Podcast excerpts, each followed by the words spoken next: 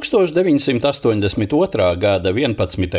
oktobrī Solenta jūras šaurumā starp Anglijas dienvidu krastu un Vaitas salu ar panākumiem vainagojās viens no sarežģītākajiem un dārgākajiem projektiem zemūdens arheoloģijas vēsturē.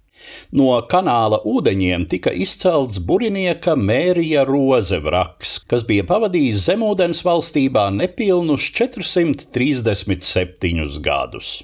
Karaļa Henrija VIII Tjūdora flotes karakuģis bija nogrimis jūras kaujas laikā pret Francijas karaļa floti 1545. gada 19. jūlijā. Karalis Henrijs VIII 1509. gadā kāpdams Anglijas tronī, konstatēja, ka viņa priekšteči nav sevišķi rūpējušies par kara flotes stiprumu. Jau visai drīz tika pasūtīti divi lieli karakuģi, viens no tiem tika nodēvēts par Mēriju Rozi. Iespējams, par godu karaļa māsai, princesei Mērijai. Šis kuģis bija karaka, sava laika spēcīgākais okeānu burinieks. Tikai samērā nesen jūras karadarbībā bija parādījies tāds jaunievedums kā kuģu artilērija, un tagad kuģi vairs nebija tikai peldošas platformas, uz kurām izvietojās sauszemes karaspēkam analogas kainieku vienības, censdamās pārspēt pretiniekus abordāžas cīņā cīņā. Tagad tie sāka mēģināt cits citu iznīcināt ar lielgabalu ugunsjaudu. Anglijas galvenā pretiniece uz jūras 16. gadsimta pirmajā pusē bija Francija. Abas kaimiņu valstis vairāk kārt iesaistījās viena pret otru vērstās koalīcijās, un Mērija Roze sekmīgi pārdzīvoja divus šādus karus. Sekoja pāris desmitgades ilgs miera periods, kura laikā kuģis atradās rezervē. Kā liecina avoti, šai laikā tas vairāk kārt tika pārbūvēts, sevišķi nopietni domājams 1536. gadā. Iespējams, ka šīs pārbūves izrādījās mērijai rozei liktenīgas, jo tiecoties palielināt artilērijas jaudu, tika mainīta kuģa sākotnējā konstrukcija un līdz ar to arī stabilitātes parametri. 1542. gadā Henrijs VIII iesaistījās kārtējā karā pret Franciju.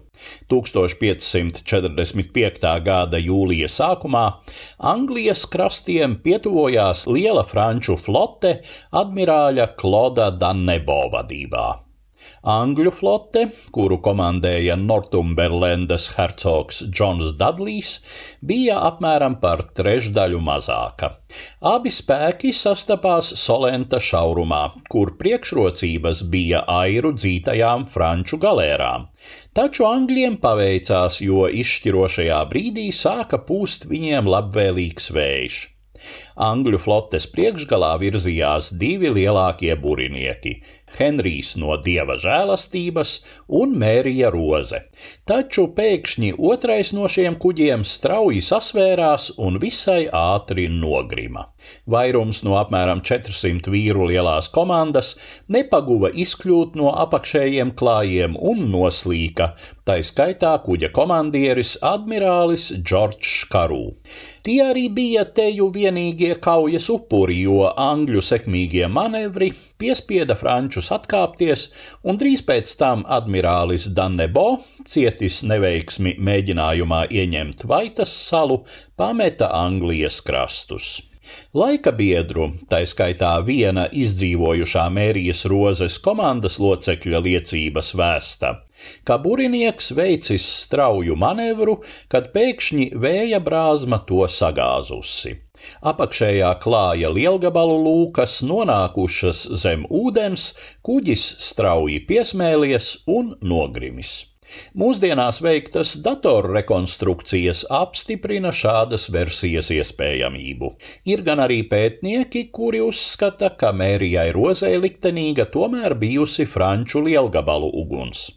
Kuģi mēģināja izcelt jau drīz pēc nogrimšanas, taču izrādījās, ka tas pārāk dziļi iestrēdzis šauruma dūņainajā gruntī.